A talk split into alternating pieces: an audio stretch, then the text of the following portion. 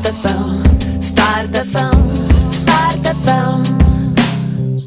Labas vakaras, gerbimi Start FM radio klausytojai. 16 val. mūšio penktadienį, o tai reiškia, kad mes pradedame laidą prie partis. Uh, aš esu vedėja Laima ir šiandien svečiuose turiu jaunos bangos savanorę ir taip pat pagal profesiją vaistininkę Mariną Sidorovą. Ir labas Marina. Labas vakaras. Marinai, dar sunku įsijausti, kad mes čia sėdim radijoje, ne, o ne kokiam nors Zoom pokalbėje. Tai Marina iš tikrųjų laidoj ne pirmas iki per visai trumpą laiką, gal prieš mėnesį buvo pirmąjį kartą. Ir šį sėkį laidoje mes su Marina kalbėsime apie narkotinių medžiagų poveikį, trumpalaikį, ilgalaikį poveikį žmogaus organizmui. Ir šita laida bus pirmoji dalis, e, pirma iš dviejų, nes e, kadangi esame apriboti valandos trukmės, e, tai šį sėkai laidoje pašnekėsime būtent apie alkoholį, kanapes ir kiek spėsime apie benzodiazepinus. Ir greičiausiai galim po truputį ir įvesti, ar ne, mūsų klausytojus į temą ir pradėti nuo mūsų to, nežinau, didžiai gerbiamo alkoholio.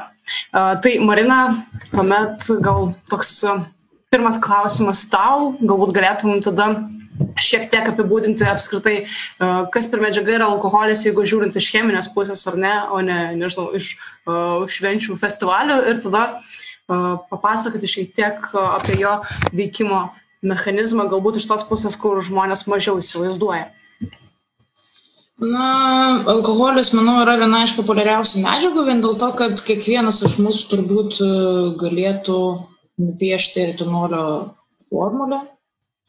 Ir tai būtų ten tie mm, du anglies atomai ir OH grupė šonė, tai tas etanolis vadinamasis.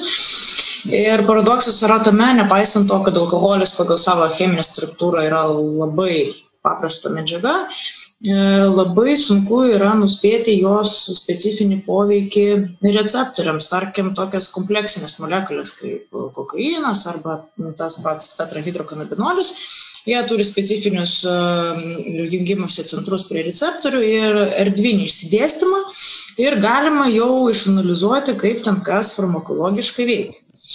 Tačiau alkoholis, jis yra labai tokia trumpa pikta molekulė, kuri tarsi visur sulenda ir kažką ten veikia. Tai pagal savo prigimtį tai yra spiritas, sakykime.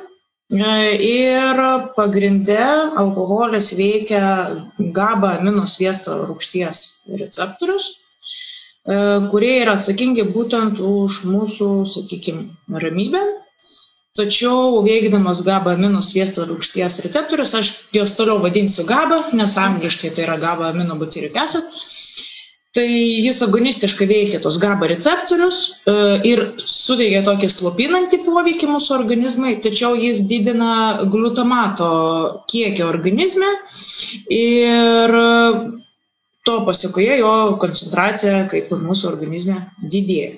O kas būtų... yra glutamatas?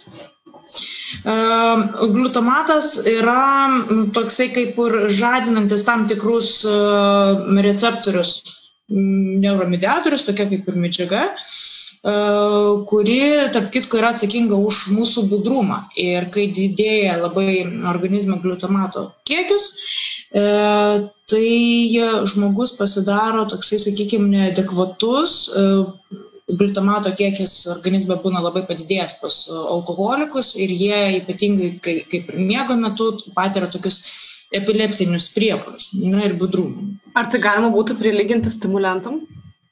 Um, nemanau, kad mhm. tai yra visiškai skirtingos medžiagos. Supratau, nes dabar... Alkoholis yra sedatyvi medžiaga. Mhm. Nes dabar taip nuskambėjo tiesiog, kad pradžiai, ar ne, atrodo, tarsi mes nusiraminame atsigėrę to alkoholio, kaip sako žmonės, aš geriu tam, kad atsipalaiduočiau ar ne, bet iš tikrųjų tu tarsi, nežinau, bandai save apgauti, nes organizmas vis tiek tai, į tai reaguoja ne iš dviejų pusių, kaip tu pasakei. Gaunasi tarsi... taip, Gaunasi taip, kad mūsų visas kūnas yra ramesnis, jis atsipalaiduoja, tačiau mūsų smegenys pradeda aktyviau veikti ir vyksta toksai kaip ir neuroimpulsų perdavimas tarp smegenų dalių, panašus į epileptinį priepolį. Tai gaunasi kūnas atsipalaiduoja, o smegenys veikia greitai. Mhm. Tas yra paradoksas. Na, panašiai kaip, gal nelabai geras palyginimas, bet prieš e, sąmonės netikimą labai stipriai pradeda plakti širdis vien dėl to, kad periferinė kraujotaka yra visa sutrikus, tada širdis kaip varikliukas pradeda stipriau tą lygusi kraują pumpuoti ir gyvybės e, šaltinį išsaugoti. Tai panašiai yra su alkoholio vartojimu ir smegenų veikla šiuo atveju. Tai čia tarsi taip yra iššaukiamas tas vadinamas neadekvatumas žmogaus, ar ne? Na, E, jeigu taip e, nebėgti, sakykime, įvykiams už akių, tai alkoholio tas poveikis e, organizmo, jis susideda iš kelių fazių. Iš pradžių mes pajaučiam euforiją, kai pradedam, ten, tarkim, sakykime, šampaną geriam, ne? Išgeriame vieną taurę šampano, e, didėja dopamino išskirimas organizme, kaip ten sakoma, liaudėje parausta žandukai, viskas faina, visi linksmi ir mes jaučiame tam tikrą malonumą. Po tos euforijos, e, po kažkiek laiko mes jaučiame ramybę ir tuo pačiu mes jaučiame, kad nelabai gerai ir koordinuotai valdome savo judesius, nu, nes mes tampame atsipalaidavę. Ne? Tačiau vis dar kažkiek ten tos tikrovės suvokia. Po to sekanti fazė, kai tu jau pradedi svaigti, nu, svaigimo fazė, tai prasideda ta būtent atminties praradimo fazė, de, dezorientacija, nu, kad pamiršti, tarkim, pametai draugą minioje, neprisiminiai ten, ką, kur telefoną padėjai, tai va yra ta fazė prieš tą pagrindinę jau vadinamą intoksikacijos. Tai tada yra jaučiamas jaudulys ir būtent yra veikiamas pakaušio, smilkinio ir priekinės e, smegenų dalis kurios to pačiu yra atsakingos būtent už matymo susiliejimą, e, kalbos greičio tą mažėjimą ir kontrolės praradimą. Ir taipogi priekinė smegenų dalis yra atsakinga už informacijos perdirbimą ir gaunasi, kad mes vis mažiau informacijos įsimename ir vis e, blogiau judame.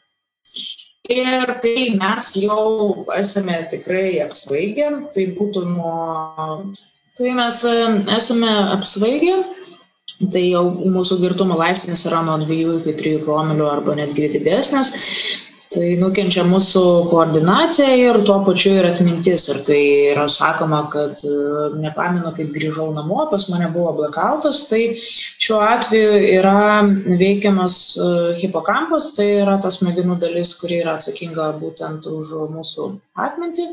Ir ilgalaikis alkoholio vartojimas netgi mažina hipokampo dydį, tiesiog jo apimtis mažėja. Ir taipogi didelis alkoholio kiekis e, turi įtakos smegenėlių būtent veiklai ir smegenėlės yra smegenų dalis atsakinga už mūsų koordinaciją. Todėl, kai žmogus yra tarsi tasomas už šonus, ten svidriuodamas vaikščio, tai jos smegenėlis jau yra kaip ir plūduriuojančius, kestančius alkoholyje. Na ir po to jau prasideda alkoholio intoksikacijos fazės, kai mm, atsiranda pykinimas ir vėmimas, tai reiškia, kad jau buvo apsinuodimas alkoholiu ir organizmas tokiu būdu bando mus apsaugoti nuo mirties, taip toliau ir panašiai. Ir jeigu visi šitie procesai neįvyksta arba žmogus e, toliau tęsia alkoholio vartojimą, tai jau aišku, kad gali visos gyvybinės funkcijos nuo viso to nukentėti ir žmogus mirs. Ar galėčiau teikti tokį teiginį, kai, tarkim, žmogus sako, kad jisai ir gerai pakelia alkoholį, tai reiškia, kad gali gerti didelius kiekius ir ten, tarkim, neapsivemti arba ten žiauriai neapgirtėti. Tai iš esmės tie žmonės, kurie na, perkeltinė prasme tariant, blogiau atlaiko alkoholį ir greičiau apsivėmė, ar negalima būtų teikti, kad tų žmonių, būtent kurie, tarkim, blogiau pakelia tą alkoholį, tiesiog organizmo tos apsisaugojimo gyvybinės funkcijos veikia geriau ir kaip, kad tai ir taip kaip tik yra didesnis pliusas, kuo greičiau sureaguoti, o ne po didesnio kiekio. Tai yra visiškai teisingas teiginys vien dėl to, kad ilgalaikis alkoholio vartojimas arba bet kurios svaiginimąsi sukeliančios medžiagos sukelia tokį reiškinį mūsų organizme kaip tolerancija ir žmogus, kuris daug pakelia, tai jis toleruoja alkoholio didelius kiekius. Ir teisingai tu visiškai manai, kad tai gali sukelti gyvybei pavojingus reiškinius. Tačiau nebūtinai. Kai kurie žmonės gimsta su tokių kaip ir didesnių jautrumų alkoholiui, jų kepenys neturi acetaldehyd dehidrogenazės to fermento aukšto aktyvumo arba jų alkoholio dehidrogenazės tas fermentas pats yra toksai kaip ir mėgančioje stadijoje ir taip ir gaunasi, kad ypatingai pastaruoju metu man aibė draugų skundėsi, kad išgėrus vieną bokalą laus jau pradėjo ten vemti. Tai dėl to, kad jau yra padidėjęs tas jautrumas tokį. Supratau. Na, o tai tada, jeigu... Tai gerai, kaip tada tas alkoholis ilgalaikiai perspektyvai mūsų žmonių paveikia smegenis ir kūnus, galbūt yra kažkokie, netgi nežinau, fiziniai bruožai, kuriuos galima iš šalies pamatyti, kur gali nuspręsti, kad žmogus jau, tarkim, ilgesnį laiką savo gyvenime piknaudžiauja alkoholiu. Tai būtent kaip pasireikštų tai jo smegenų veikloje ir jo apskritai, nežinau, santykėje su visuomenė. Yra populiaru vartoti alkoholio vien dėl to, kaip sakoma, jis numalšina mūsų nerimą. Ir iš dalies tai yra tiesa. Jeigu iš pradžių žmogus naudoja, vartoja tiksliau alkoholį tam, kad nusiraminti, tai kurį laiką jam šita medžiaga tikrai padės pasijausti ramiam, tačiau laikui bėgant kiekis dopamino organizme sumažės ir tų pačių endorfinų, tai gaunasi, kad vartodamas alkoholį jis nebe, nebejaus tokio malonumo, kaip jausdavo anksčiau.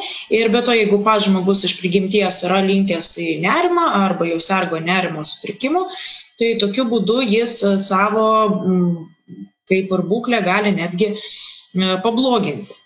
E, be to, ilgalaikėje perspektyvoje gali pasireikšti toksai turbūt populiariausias sindromas vadinasi Virnickio Korsakovo.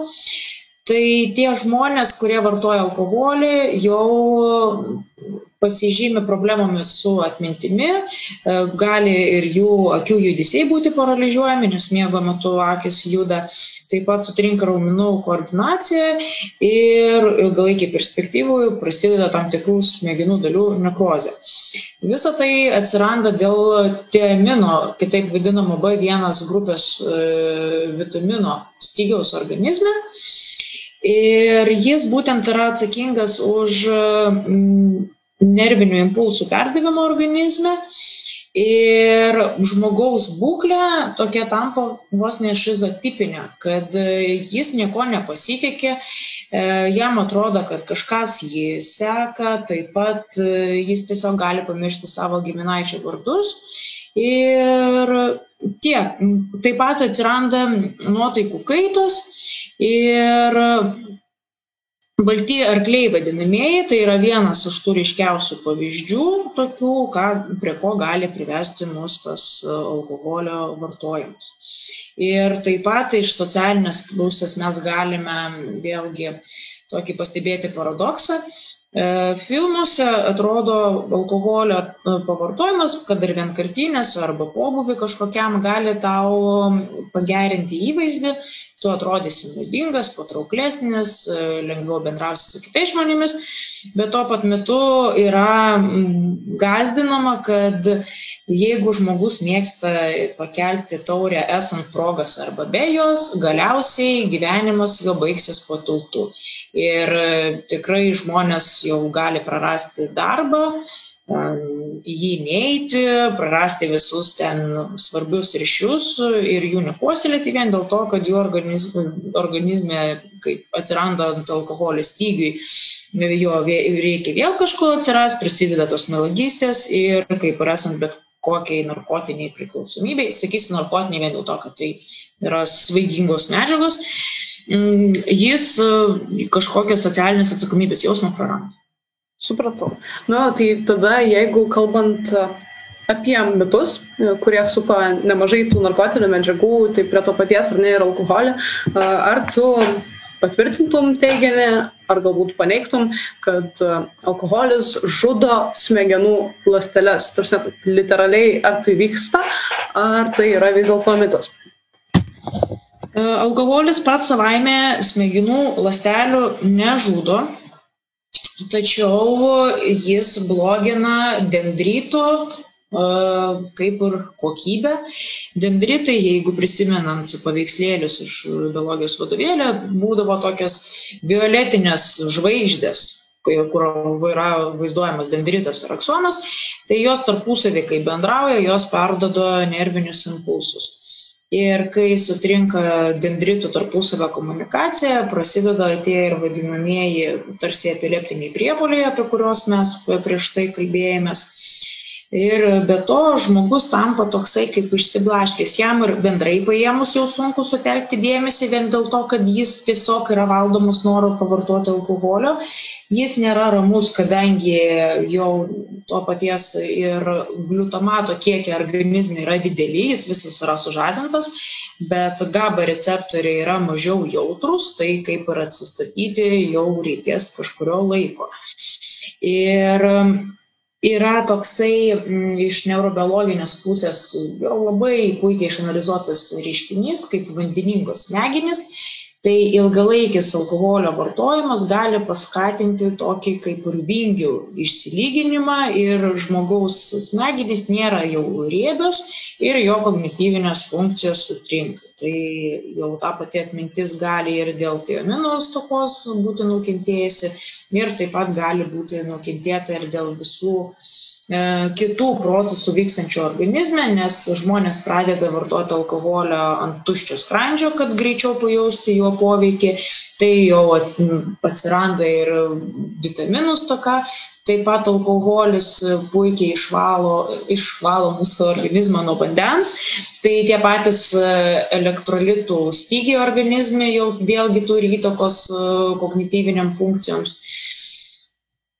Tai gaunasi, kad alkoholis turi įtakos mūsų kognityvinėms funkcijoms, tačiau pačių smegenų ląstelių jis nežudo. Smegenų ląstelės jos ir pačios savaime karts nuo karto miršta ir atsinaujina. Mhm. O jeigu, tarkim, met, ilgą laiką, ilgus metus yra vartojamas alkoholis ir po kiek laiko tas alkoholio vartojimas yra nutraukiamas, ar atsistato tos pažeistos, ne, nežinau, smegenų, ne, dalis kažkurios, kažkurių lastelių dalis, ne, kitų pasakotai, dendritai ir taip toliau, ar jau to po ilgalaikio vartojimo nereikėtų tikėtis? E, kaip ir to paties minėto Virnitskio Korsakovo sindromo gydimas yra tas, kad žmogui jau kontroliuojama dieta ir jau gerinamos visų, visos kitos organizmo funkcijos ir tuo pačiu yra stebimi jo atminties rodikliai. Tai įrodyta, kad metų bėgyje, kai visiškai nėra vartojamas alkoholis, kognityvinės funkcijos, tokios kaip atmintis pagrindė, jau ženkliai gerėja. Ir pilnai visos smegenų funkcijos gali atstatyti nuo 3 iki 5 metų laikotarpiu aišku reikia turėti omeny ir tokius faktorius kaip e, neuroplastiškumas nes visų žmonių smegenys yra skirtingos. Ir jeigu ten koks nors vadinamasis petras iš kaimo tiesiog nustoja gerti alkoholį bet jis toliau nei neskaito knygų nežaidžia šachmatais niekuo nesidomi netapo smulkiosios motorikos darbų neatlieka tai e, jo smegenys gali tiesiog būti tos įprastos tai jis bus kaip ir fiziškai sveikas, bet jo smegenų funkcijos nebus tokios, kaip ir, sakykime, didžiosios. Mhm, Nes yra ir tokių mokslininkų, tarp kitko, aibė neuromokslininkų, kurie būtent tyrė ir priklausomybių mechanizmus, jie patys vartojo alkoholį ilgą laiką ir kitus narkotikus. Ir jeigu žmogus sugebėjo iš gatvės e, grįžti gyventi į namus, baigė mokyklą, įstojo universitetą, gavo kelis daktaro laipsnius, tai mes vėlgi turim gyvus pavyzdžius, kad atmintis atsistatė. Ir tuomet to alkoholio e, metimas, e, vienas iš būdų ne, yra tiesiog iš karto nutraukti absoliučiai vartojimą, ne, na, daugelis žmonių būtent tokį pasirinka, net ten mažinti, ar ne kiek jie garso, tiesiog iš karto nutraukti. Ar tai nesukelia kažkokią šoko organizmą, ar tai yra tinkamas būdas, ar čia tiesiog reikia labai labai individualiai žiūrėti. Sprendžiant iš tokių mane supančių pavyzdžių, galime paimti tokią paralelę susijusią kaip ir su rūkimu, kai kurie žmonės sugeba paimti, mesti, rūkyti ir, ir arba vartoti alkoholį staigiai, kai kurie dėl savo asmeninių kažkokių vertybių ar savybių to padaryti staigiai nesugeba. Ir mūsų visuomenėje yra, manau, yra toks paradoksas, kad jeigu tu pasakai kitiems, kad aš nenoriu daugiau vartoti alkoholio, arba tiesiog atėjęs į kažkokią šeimos šventę arba renginį, atsisakai pakelti alaus bokalą, tu esi lydimas tokias merkiančio žvilgsnio, kupino nepasitikėjimų ir netgi vos neužuojautos, kad kaip tu čia taip neišgersi tik to vieno alaus, tai būtent tokie veiksniai gali sąlygoti tą kaip ir nesėkmę atsisakyti alkoholio. Taip pat bet iš esmės, nuo... bet iš esmės, jeigu taip trumpai neatsakant į klausimą, tai tas uh, metimas iš karto, jisai iš esmės nėra blogas variantas, ar ne? Jis nėra blogas, bet reikia palaikymo ir taip pat mhm. reikia žiūrėti, kokie yra fiziniai reiškiniai, nes e, ir vėlgi, kas labai e, ilgą laiką, tarkim, patūsina, sakykime, pradeda jausti e, rankų drebulį ir atsiranda bendras visas tas nerimas. Ir pradeda žmonės bent jau širdies lašiukų užgerti. Tai Tai tiek reikia palaikymo valios mm. ir visuomet fiziniai reiškiniai gali būti tie patys e, simptomai, kodėl žmonės yra guldomi į kliniką, kad reikia jų būklę stebėti. Gerai, tai ačiū tau labai, Marina, už atsakymus. Mes kol kas baiginėjom mūsų pirmąją dalį prie parčio. Visą e, šį laiką mes kalbėjomės būtent apie alkoholį ir jo poveikį žmogaus organizmui, tiek fizinį, tiek smegenims. Ir pratęsime po muzikinės pertraukos. Sveiki, mėly StatFM radio klausytojai, sveikinusi su tais, kurie tik dabar galbūt įsijungia radio imtuvus arba apsilankė StartFM Mixcloud'e. Su jumis sveikinasi Laimo preparčio vedėja ir šiandien mes prepartiją šnekamės su jaunos bangos savanorė ir vaistininkė Marina Sidorova. Pirmoje dalyje mes aptarėme alkoholio poveikį žmogaus organizmui, jos smegenims ir kitoms galbūt kognityvinėms fizinėms funkcijoms. Ir pakalbėjome, kaipgi tas alkoholis mūsų kasdienybėje gali ilgalaikį perspektyvai paveikti mūsų kaip žmonės. Ir dabar galime perėti prie kitos medžiagos, tai šiandien kalbėsime dar apie kanapes ir benzodiazepinus, tiek kiek spėsime. Ir tai yra pirmoji iš dviejų laidos dalių, tai reiškia, kad po kelių savaičių jūs išgirsite ir antrą dalį, kokias medžiagas bus apkalbamas toje dalyje, kol kas paslaptis, o dabar galime perėti tuomet prie kanapių. Tai nežinau, introducing Marina, kasgi tos kanapės, galbūt tiems, kurie nežino, arba tiems, kurie žino, gal papasako kažką plačiau apie jas ir pakalbėkime apie kanapę veikimo mechanizmus. Um, pababam. Tai kanapės yra turbūt vėlgi visiems um, žinomas augalas, ne, natūralios kilmės, e, už kurio poveikį yra e, atsakingas tetrahidrokanabinolis, THC, taip vadinamas, arba kanabidiolis, CBD. E, tetrahidrokanabinolis yra atsakingas už e, būtent euforinį visą tą e, psichoaktyvųjį kanapių poveikį, tuo pačiu kanabidiolis yra ta medžiaga, kuri neturi įtakos mūsų nuotaikos pasikeitimui Ir tai netgi yra registruotas vaistas firminiu pavadinimu dronabinolis, kuris yra naudojamas e, onkologinėje terapijoje slopinti pykinimą. Ir veikimo mechanizmas kanapių turbūt yra man vienas iš mėgstamiausių ir iškiausių, vien dėl to, kad kanapės turi pačią savo uh, receptorių sistemą, kuri yra vadinama endokanabinoidų receptorių sistema ir ji yra natūraliai iš, išsivysčiusi mūsų organizme ir puikiai funkcionuojanti. Ir endokanabinoidų sistema išsideda, susideda iš kanabinoidų receptorių ir pagrindė kanapės veikia kanabinoidų pirmo tipo e, receptorius faina yra tas, kad tam pačiam kolokviume kokios toksikologijos tu atsakai, tai kad endokanabinoidų sistema yra labai plačiai išsidėščiusi mūsų organizme. kanabinoidų receptorių yra gausu ir smegenyse, ir plaučiuose, ir skrandyje, ir mūsų kūne. Ir yra natūraliai toks funkcionuojantis neuromediatorius mūsų kūne, jo pavadinimas yra anandamidas. Tai kai žmogus ne, nevartoja kanapių, jo endokanabinoidų sistemą stimuliuoja būtent ši medžiaga. Ir jeigu kitaip bandyti paaiškinti anandamido tą poveikį, E, jis veikia toksai, kaip, jis veikia kaip šauktukas neuronų lygmenį.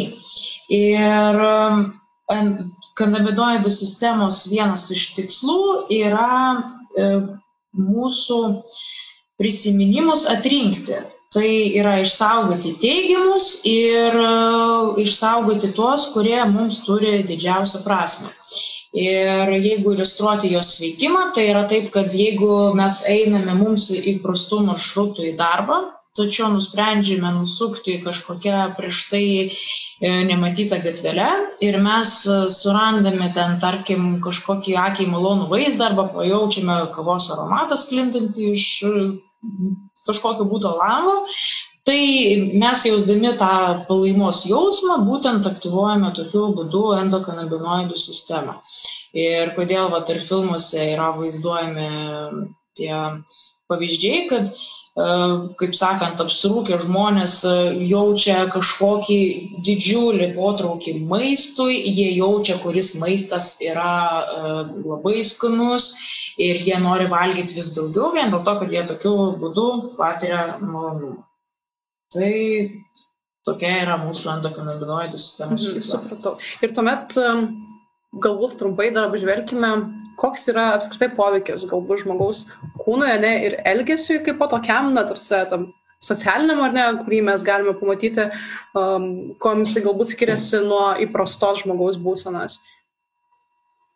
Nu, kai, kaip čia paprasčiausias pavyzdys yra satyva indika, vienas e, tave daro tokių kaip ir stoned, mhm. akmeninių, kad tu nebegali judėti, tu priaugai prie sofos ir nebejudi iš vietos, o kitas daro tave high, tai yra, kad ta, tu skraidai virš debesų, jauti tokią euforiją, viskas tau yra nuostabu, nori apkabinti kiekvieną artimą ir ne tik.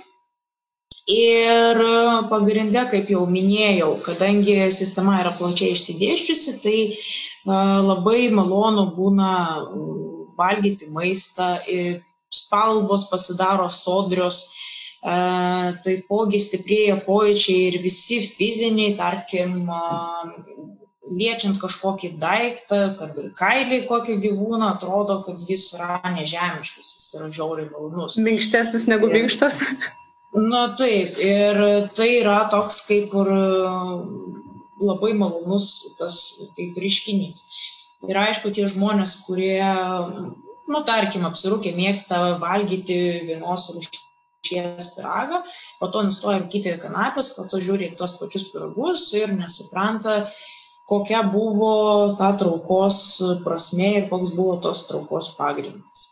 Bet čia galbūt, ar ne, ne tik su maistu taip gali būti, gali tai būti, pavyzdžiui, žiūrėti filmą kaip tu sakai, apsirūkęs ar ne, tavo emocija bus vienokias ir tu kaip ir atsiminsi vėliau, kokias emocijas tau iššaukia, ne, tas filmo žiūrėjimas ir tu jį pažiūrėsi jau, tar, sakykime, blaivę galvą ar ne, ir tau jau tas filmas nepaliks tokio paties įspūdžio, bet ne dėl to, kad tu jį žiūri antrą kartą, o apskritai, kad tu jį reaguoji, tas visas situacijas šiek tiek, nežinau, net kitaip.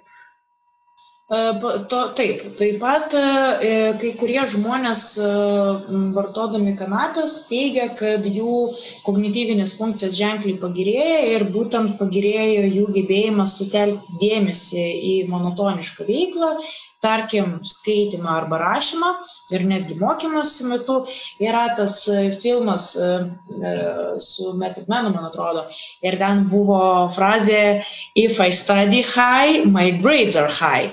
Ir vien dėl to, kad žmogus negali reaguoti į išorinius dirgiklius ir tokius kaip ir smulkius garselius, tarkim, kaip ten tavo kambariokas kvepoja, mašinos važiuoja laukia, ten kažkas vaikšto bendrabučio koridorium, tai tu sugebi kaip ir sutelkti tą dėmesį. E, taip pat e, kai kurie žmonės geriau tvarkosi, nes jie pastebi kiekvieną detalę ir jie viską atlieka kropščiau. Ir be to, kadangi jie yra tikrai atsipalaidavę ir nusiraminę, tai jie neskuba kažkur ir dėl to jie jaučia pasimėgavimą ir tokiais vat, įprasta, įprastais reiškiniais. Bet esu girdėjęs nesik, ar ne, ar tiek ar pažįstamų tarpe, kad kai kuriems ta kanap, kanapės ne iššūkia visiškai kitokius pojūčius. Prasme, labiau negu atsipalaidavę, jie labiau jaučia nerimą, kaip tik tą negalėjimą susikaupti, gal labiau koncentravimas į, į neigiamus dalykus, ne, arba, pavyzdžiui, kai sako, einu gatve, ar ne, ir man atrodo, kad visi aplinkui žino, kad aš esu dabar parūkęs, ar ne, žolės.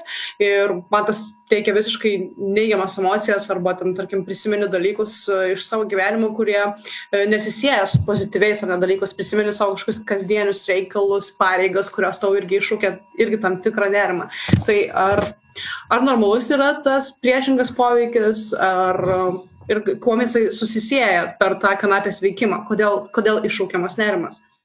Esu minėjusi, kad endokanabinoidų sistema padeda mums e, atrinkti, kurias e, akimirkas mūsų gyvenimo išsaugoti, kokius prisiminimus sudaryti Ir jeigu žmogus kažkokiu um, gyvenimo laikotarpiu nepasitikė savimi arba jis yra kažkaip nukentėjęs, jo vidinėme pasaulyje yra atsiradusios prieš, prieš priešas kažkokios, tai jis ir būdamas blaivios būsenos e, nevalingai įsimena pačius blogiausius dalykus kaip tarkim apšaukė kasininkę, kaip jam nepasisekė, kaip jis nespėjo laiku nueiti į svarbų susitikimą.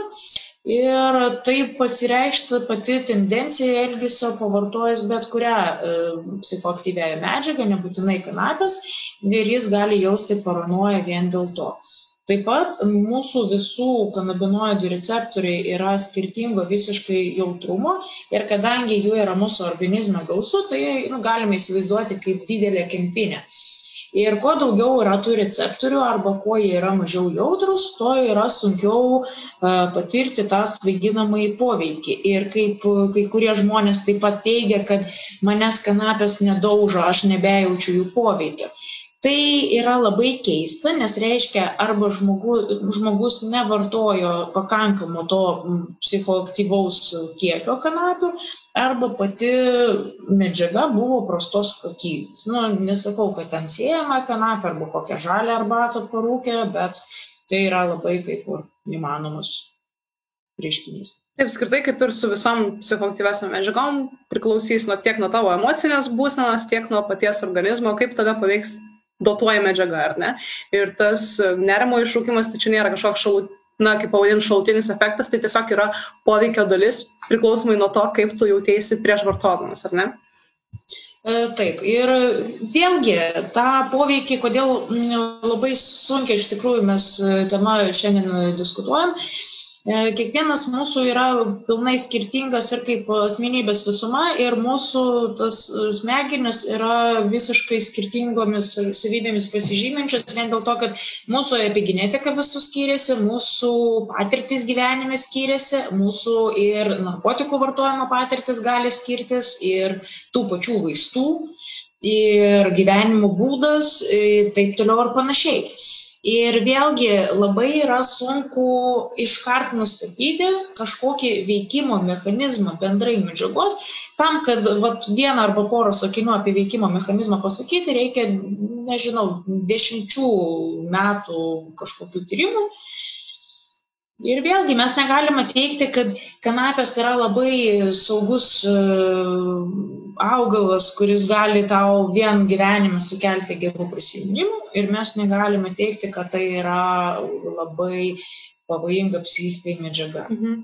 Ir apskritai greičiausiai kaip ir tiek kanapių, tiek kitų psichoaktyvių medžiagų negalėtumėm paskirstyti į juodą ir baltą ar ne dalis, vienas sumesti kaip žiauri geras, kitas sumesti kaip žiauri blogas, man atrodo, kad jas visos eina per vidurį, nes yra galbūt tiesiog per daug skirtingos, kad galėtumėm jas ar ne skirstyti. Tai e, tikrai dėkui tokie išsamus atsakymai ir aš dar žinau, kad tu turi pasiruošti tokią visai įdomią istoriją, kuri paneigia tą įsitikinimą visuomeniai, kad kanapės labai kenkia mūsų smegenims, ar ne, ten mes liekame bet minties ir ten iš viso irgi, kaip ir alkoholis, ne, sako žmonės, išžudo smegenų lastelės. Tai tokie pat, tokios pačios klinda kalbose ne ir apie kanapes. Tai aš labai noriu, kad tu mums tą istoriją paneigtum mitą mūsų klausytojams. Tai, kad va, parūkis vienkartinai gyvenime suktinę, tu gali tapti berozumis, arba tiesiog nuolat rūkydamas kanapes tu gali tapti išvis daržovę. Ir panašus mitas yra, tarp kitko, paskleistas ir apie amfetaminus, mes tai tarsim, manau, kitoje laidoje. E, visą šitą mitą apie tai, kad kanapės žudo smegenų ląsteles, sukūrė, atrado e, toksai gydytojas Robertas Hitas Ir jo eksperimento metu beždžionės buvo pasodintos ant kėdės, pririštos prie jų ir ant beždžionės galvų buvo užmaltas dujokaukis. Ir tam gyvūnui, kuris neturėjo prieigos prie grynos degonės, buvo suleistas dujų kiekis, kurio stiprumas suktinėmis buvo išmatuotas kaip 16 kolumbijos vienetų ir kol dūmai iš dujokaukės e, nebuvo gyvūno kaip ir įkvėpti pilnai iki galo, tol ta dujokaukė buvo laikoma ant gyvūno galvos. Ir po to ta dujokaukė buvo nuimta nuo to gyvūno ir buvo matuojamas e, kognityvinės funkcijos. Ir faktas yra tas, kad jeigu lastelės negauna normalios prieigos, sakykime, prie degonės, tai jos pradeda žūti. Tai yra vadinama hipoksija. Ir vien tas etinis klausimas, kodėl žmogus sugebėjo atlikti tokį tyrimą, jau yra labai toks nejaukus, na ir pati istorija yra tokia, nu, kad, nu, lemba, jeigu žmogui tą patį nuveikti, tai bet kuriam. Tai vėlgi jam sukeltų ne tik kognityvinės e, kažkokias e, pasiekmes, ne tik dėl pačių kanapių vartojimo, pavartojimo, prievartos suvartotų, bet ir dėl to fakto, kad tu sudėjai su, su dujokaukė, tu galėjai tiesiog fiziškai uždusti, mirti ir vien dėl to tave gali kankinti ilgalaikį perspektyvą, mm. nerimas ir paranoja. Tai man atrodo, šitam eksperimente ne, net nesvarbu, kad čia žolė buvo, ar ne, pasitelkta e, tyrimui, bet galima buvo tam bežionėm maksimos maišą, ar ne, uždėti ant galvos, duoti jom šiek tiek pakvepuoti. Uh, tariamai, tar, tariamai pakvepuoti, ar ne. Uh, nu, tarsi, su deguonimi ten esančiu, bet jis būtų ribotas kiekis ir tada pastebėtų, ar ne, kad žuvo smegenų lastelės ir būtų padaryta išvada, kad kaip ir kanapės, tai vadinasi deguonis irgi žudo žmonių smegenų lastelės, ar ne. Tai ir vėlgi, man visi tie pagrindė, jeigu analizuoti visų mitų apie psichoaktyvesias medžiagas, tą atradimą, išradimą ir sklaidą, yra ištraukiamos tam tikros frazės iš tokio tyrimo ir yra nu, parašoma, kad kanapės žudo smegenų ląsteles tai nežinant viso backgroundo to tyrimo visos metodologijos taip toliau ir panašiai žmonės tą nuotrupą išgirdę pradeda ją naudoti kaip ir ekvivalentą kaip tiesą ir viskas čia yra smagu ir super gera Ir vien dėl to tie mitai ir gyvoja. Čia tas pats, kaip paimti bet kokią Delfio antraštę ir pradėti teikti visiems, kad va, ten visi vyrai yra alkoholikai, ne, visos moteris yra ten paleistuvės, taip toliau ir panašiai. Ir jeigu toliau tęsti tą mm, tyrimų eigą su beždžionėmis, nebuvo maža vienos nukentėjusios beždžionės, e, dar bandė atkartoti tą tyrimą daktaras Viljamas e, Slikeris iš nacionalinio toksikologijos centro ir taip pat Čarlzas Rybertas ir Gordonas Prioras. Ir jie ne, nes, at, nesurado jokių kognityvinių funkcijų pakitimų e, beždžionių smegenyse, netgi tirdami, e, tiesdami tą tyrimą vienerių metų laikotarpiu ir kasdien suduodamas e, joms tą pačią kanapių dozę.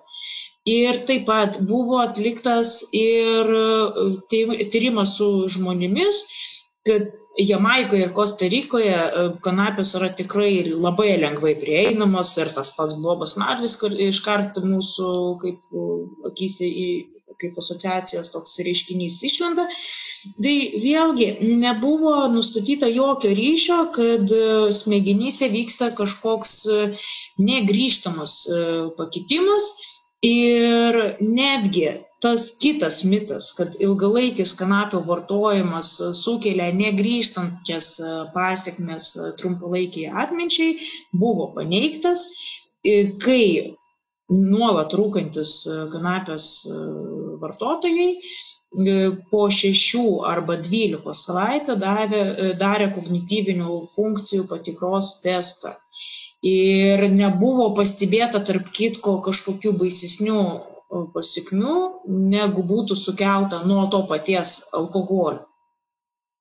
Tai gerai labai, kad iš tikrųjų turime informacijos, kuri paneigia tokius, nežinau, absurdiškus mitus ar ne ir smagu, kad šioje laidoje galime šitą informaciją pateikti adekvačią žmonėm, tiem, kurie domisi ar ne ir nori išgirsti tą adekvačią informaciją, o ne tiesiog baidosi emocijų vedami. E, ir tiesiog noriu padėkoti, žinai, ir kad tu šiandien atėjai. Tai mes pirmoji dalyje šnekėjomės apie alkoholį, antra šios laidos dalis eina į pabaigą, kalbėjomės apie kanapes ir jų poveikį žmogaus organizmui, na, o tie, kurie džiaugiasi girdėdami gerą informaciją, uh, grįstą mokslo psichoaktyvesias medžiagas, tai kviečiami visada yra paremti mūsų Patreonę. Tai galite remti konkrečiai StartFM radio laidas, StartFM Patreonę, StartFM 94,2 arba galite paremti Patreonę jaunos bangos veiklą, tai irgi jauna banga. Ir mes konkrečiai jau visi ir dirbame ties švietimu apie psichoaktyvesias medžiagas. Tai tokia, nežinau, toks interpas iš mano pusės kaip jūs galite paremti StartFM radio ir jaunos bangos savanorius. Ir dabar noriu palidėti jūs į muzikinę pertrauką, po kurios e, pratesime apie narkotikų poveikį žmogaus organizmui. Sveiki, mėly klausytojai, mes ir vėl sugrįžtame į prepartį, tai yra StartFM eterį. Dabar aš kalbinu mano jaunos bangos kolegę ir vaistininkę Mariną Sidorovą. Šioje laidoje mes šnekamės apie narkotinių medžiagų poveikį žmogaus organizmui, tiek um, jo elgesiui ir santykiui su visuomenė. Ir prieš muzikinę pertrauką mes uh, aptarėme kanapių poveikį organizmui, šiek tiek mitų čia sulaužėme eteryje, ar ne, ir prieš kanapės dar kalbėjomės apie alkoholį. Ir prieš perinant prie mūsų trečiosios grupės medžiagų, tai yra e, benzodiazepinų. E, tai yra medžiagų iš mačiutės vaistinėlės, jeigu taip jau, nežinau, žmogiškiau pasakyti. Ir noriu prieš tai dar paklausti tavęs, Marina, e, išvalgų, ką tu manai apie posakį, kad kanapės yra ta tiltinė medžiaga, ne gateway drug, ne vartai į kitų medžiagų vartojimą. Ar galima būtų teikti, kad žmogus pradėjęs, nežinau, rūkyti žolę, jisai tikrai po kažkiek laiko, vedamas, nežinau, ten smalsumo, pereis prie kitų medžiagų, nes jam tiesiog reikės kažko stipriau. Um, vėlgi yra toksai dalykas e, toksikologijoje, kaip ir kryžminis poveikis, kad naudojant tam tikrą medžiagą, tu perini prie kitos medžiagos vartojimo. Ir buvo atliktos įvairios studijos, vėlgi su žmonėmis. Ir paaiškėjo, kad tie žmonės, kurie jau rūkė marihuaną, tarkim, ir po to pradėjo vartoti alkoholį, tai jie išvystydavo tą didesnę priklausomybę alkoholiui, tačiau jie jau buvo pavartoję alkoholį prieš tai, pas juos jau būdavo toks laikotarpis piknaudžiavimo alkoholiu. Na ir netgi jeigu, ten tarkim, kanapės yra ta medžiaga, e, kuri sukelia piknaudžiavimą kitomis medžiagomis, tai lygiai tas pats yra būdinga ir tam pačiam nikotinui, ir alkoholiui, ir kokainui, ir visom kitom medžiagom. Ir tai, tarp kitko, e, netgi kai e, buvo įvykdytos studijos apie tai, kad žmonės, kurie rūkydavo kanapės ir po to perėjo prie amfetamino vartojimo, tai įvyko Havajuose, būtent tuo metu, kai pasikeitė marihuanos statymas ir tai grėsdavo visokiais kalėjimais, taip toliau ir panašiai. E, taip pat e, panašus buvo dalykas su tais pačiais įstatymų sugriežtinimais, kad buvo legaliau e, vartoti alkoholį arba kokainą, negu rūkyti kanapes. Tai tiek. Supratau, tai galima tiesiog sakyti, jeigu jau žmogus teigia, ne, kad gateway drug yra kanapės, tai tas toks pat būtų tikslus pasakymas, kad gateway drug yra kofeinas, ar ne, ten, nežinau, podelis kavos, man užsima, užsimaniau kažko močiniau, ar ne, išgeriau kitą dieną vodkės, tai čia būtų tiek pat logikos. Jo, kad tu išgeri kavos, po to tu nori prie jos piragėlio ir tai yra iš tikrųjų ženkliai didesnė priklausomybė ir tikimybė netgi negu tu ten parūkęs supinę mm -hmm. nori pamėguoti. Tiesiog socialiai priimtiniau. Na gerai, tada pereikime, kadangi nedaug laiko turime, pereikime prie benzo, benzodiazepinų, tai galbūt trumpai pasakyk, uh, kokie, kokios tai medžiagos, ar ne, galbūt kokie pavadinimai tų benzodiazepinų yra dažniau girdimi mūsų kasdienybėje ir kaip tos medžiagos ilgalaikį perspektyvai pakenkia mums kaip žmonėms. Na, populiariausia medžiaga iš benzodiazepinų klasės turbūt būtų ksanaksas, kitaip vadinamas alprozolamo, taip pat yra medžiaga triazolamas, firminis pavadinimas halcionas, midozolamas, taip toliau ir panašiai panašiai ir šitų, veikimo, šitų medžiagų veikimo mechanizmas iki galo nėra ištirtus ir teigiama, kad pagrindė tai yra tie, tos medžiagos, kurios veikia GABA receptorius ir būtent GABA A klasės. Ir šitie receptoriai yra beveik kiekvienoje smegenų dalyje. Jie yra sudaryti iš penkių baltymų, kurie yra žiedinė, sudaro tokią žiedinę kaip struktūrą. Ir kai į vidų to baltymo patenka chloro jonai, sumažėja jų sužadinimas ir tokiu būdu žmogus tampa ramesnis. Ir naudojant e, tokias medžiagas nemigos gydymui, tai galima teikti, kad smegenų sužadinimas e, sumažėja ir žmogus tampa ramesnis. E, tas pats bromazapamas, tai tarp kitko leksotanilis irgi yra kaip ir benzodiazepinas ir jis gan greitai suveikia ir žmogaus panikos priepoliai dinksta. Tų receptorių jautrumas vėlgi priklauso nuo žmogaus, tai jų jautrumą nu, nulime ir epigenetikos faktoriai, gyvenimo būdas ir tų pačių medžiagų vartojimo kaip ir e, patirtis. Supratau, na tai o tuomet, jeigu žiūrint iš tos ilgalaikės perspektyvos, ar tų šitų medžiagų vartojimas jisai yra sukeliantis priklausomybę, kaip ta priklausomybė išsivysto ir ar apskritai uh, turi kažkokį ilgesnį poveikį, tarkim, jeigu kažkokį epizodą vartoja, ar ne, tada tų medžiagų jau nebevartoja, ar dar jūs turi kažkokias pasiekmes tą veikimą, ar tiesiog viskas stabilizuojasi, grįžta į vėžės, nežinau, normatyvinės, ar kaip veikia tos medžiagos. Uh, Galima visą šitą analizuoti dalyką per kelis vektorius. Vienas iš jų yra tas, kad benzodiazepinus skiria nemigos gydymui ir iš tikrųjų pirmą kartą pavartoja benzodiazepinų, tu užmėgi kaip princesė ir tobulai išsimiegi ir tu esi žiauriai laimingas, kad pagaliau tavo nemiga baigėsi ir atsirado sprendimas ją išspręsti. Tačiau laikui bėgant e, organizmas pripranta prie tos medžiagos ir jau nebėra taip, kad tie migdomieji veikia gerai ir tu išsimėgi įprastai. Ir kadangi tu vieną kartą išsimiegoji puikiai ir tu būdai tarsi atsinaujinęs, e, jaunas, super gražus ir energingas, tai tu nori vėl patirti tą kartą ir prasideda tas reikalas, kad norima didinti dozes arba tiesiog prie jų yra e, priprantama. Kitas variantas yra tas, kad e, jeigu brumazapamas gali būti naudojamas panikos priepolių gydymui arba bent jų slopinimui, tai tas vaistas padėjo galbūt e, nuslopinti reakciją į tam tikrą gyvenimo įvykį arba dirgiklį tačiau prie to vėlgi yra priprantama ir organizmas tokiu būdu adaptuojasi prie aplinkos sąlygų, jau savyje turėdamas tą naują medžiagą ir jis vėlgi pradeda įprastai su nerimu reaguoti į tą pačią situaciją. Be to yra atskiras jau fenomenas, kad prie benzodiazepinų trumpos veikimo trukmės yra stipriai priprantama ir reikėtų skirti jau ilgesnės e, veikimo trukmės vaistus arba didinti jų dozes. Ir netgi yra toksai fenomenas kaip e, benzodiazepinų pagirios arba benzodiazepinų priklausomybės sindromas.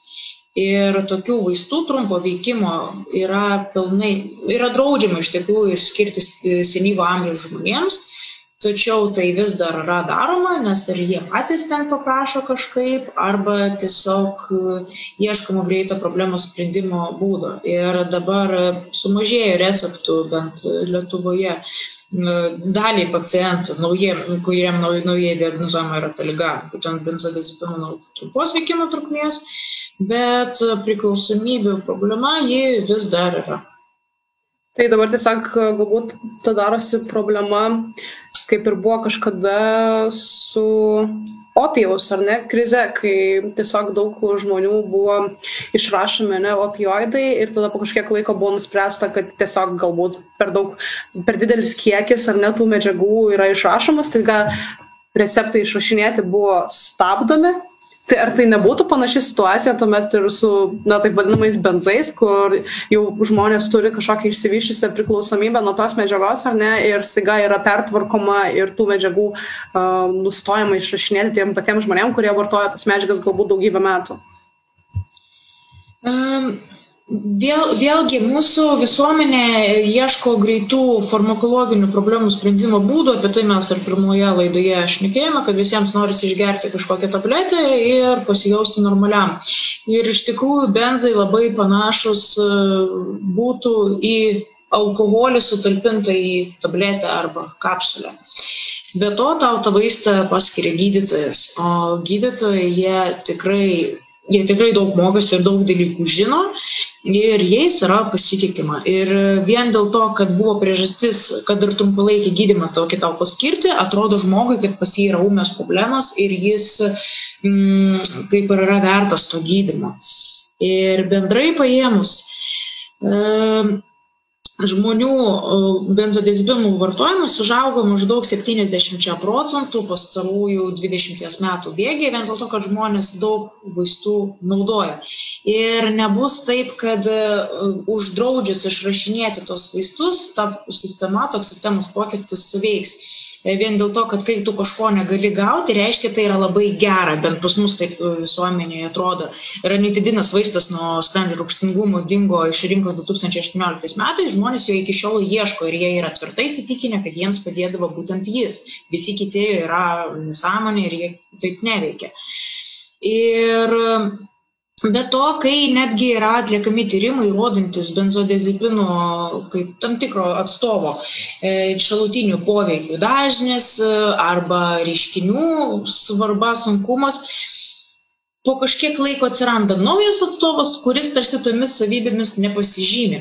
Ir benzodiazepinais yra pasitikima vien dėl to, kad e, jie yra labai saugus vartoti, tai yra saliginai saugus, nes bet kurio vaisto padauginimas gali sukelti negrįžtamų sveikatos reiškinių. Ir vėlgi benzodiazepinai, jie turi tokį poveikį psichikai, kad atrodo, tu savo gyvenimą stebi iš šalies. Ir tu tarsi pabėgi netiesiogiai nuo problemų, tu esi įvykių sukūry, bet tu nereaguoji visos tos e, aplinkinius e, dirgiklius.